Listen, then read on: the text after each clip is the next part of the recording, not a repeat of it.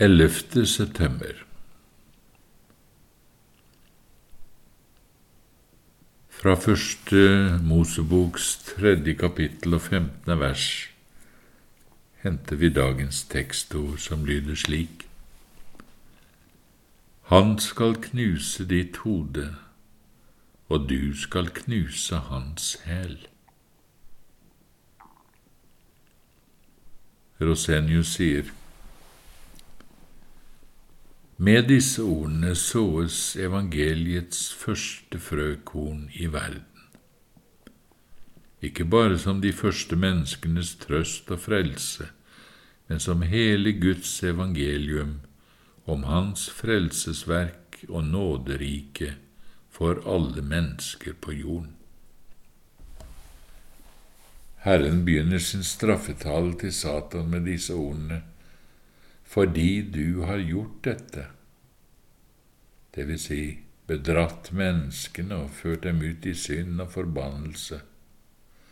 Og det er sammenhengen her vi skal merke oss, for det er denne samtalen han avslutter med de ordene vi har foran oss i dag. Han skal knuse ditt hode, og du skal knuse hans hæl. Vi ser at det er menneskehetens, vårt fall i synd, Herren brenner for her. At det var dette som skulle hevnes, og det så kraftig at Herren sier til forføreren, Hodet ditt skal bli trampet i stykker og knust fordi du har gjort dette. Her ser jeg at Herren Gud selv har tatt seg av vår sak og står på vår side mot Satan. Han tar seg av hevn mot Satan og frelser oss, og det med så brennende hjerte at han bruker de aller sterkeste ord når han truer Satan. Slangen får høre at hans hode skal trampes i stykker og knuses. Dette må jo ha vært en forferdelig dom for den listige slangen. Vi ser altså hvordan Gud brenner av nidkjærhet for menneskene, sin fortapte sønn. I Nytestamentet ser vi hvordan Kristus ble opprørt i sin ånd på samme måten når han taler om dem som forfører de små barna som tror på ham. Aldri taler den ømme frelsen så harde ord han sier en kvernstein skal bindes om halsen på slike forførere, så de går fort til havets bunn. Av slike ord burde en da merke hvordan Guds hjerte brenner for sjelene, at han slett ikke er så likeglad med oss som vårt harde og vantro hjerte prøver å innbille oss. Vi har sannelig nok av klare løfter om Hans brennende kjærlighet til oss, og vi har enda flere bevis på dette i alt Han har gjort til vår frelse. Men våre hjerter er dessverre slik at vi ofte ikke tror eller er oppmerksomme på disse store bevisene på Guds kjærlighet. Da tror vi ofte lettere det vi selv oppdager, når Herren ikke taler til oss. Her får vi liksom stå og lytte, lytte til Herrens tale til slangen, og der også oppdage Herrens innerste tanker om oss. Fordi du har gjort dette, skal forbannelsen ramme deg verre enn noen som helst annen skapning, og kvinnens sæd skal knuse ditt hode. Det andre jeg merker meg her, er at Herren gjør vår sak til en sak mellom Kristus og djevelen.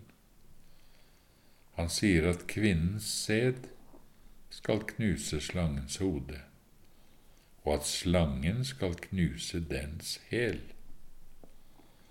Vi skal være klar over at grunnteksten bruker samme ord om slangens angrep på kvinnens sæd som når denne skal knuse slangens hode. Det hebraiske ordet skildrer egentlig all slags ondt som en fiende påfører noen.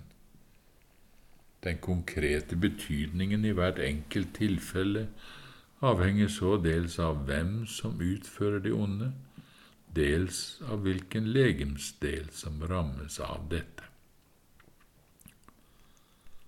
Her er da en bemerkelsesverdig antydning om hvordan også Kristus skulle knuses i denne striden. Slangen skulle altså også rette all mulig vold mot Kristus og knuse ham, men begrenset til hans hæl, vil si til hans minst betydningsfulle del, hans manndom, som jo ble knust i hans død. Men som Gud og stedfortreder vant Kristus seier i denne kampen på liv og død med slangen. Så sier Herren, og taler derimot ikke et eneste ord om oss, om noe vi skal foreta oss i dette veldige spørsmål, hvordan vi skal bli frelst fra synden, døden og djevelen. Så totalt har Herren tatt denne saken ut av vår hånd. Så totalt har han gjort den til Kristi egen sak. Og ellers hadde vi jo vært evig fortapt. For å sone for syndefallet, fri oss fra synd, djevelen og døden, det er et verk som går langt ut over all vår begrensning. Derfor har vår nådige Herre gjort det til sin sak. Priset være Hans navn.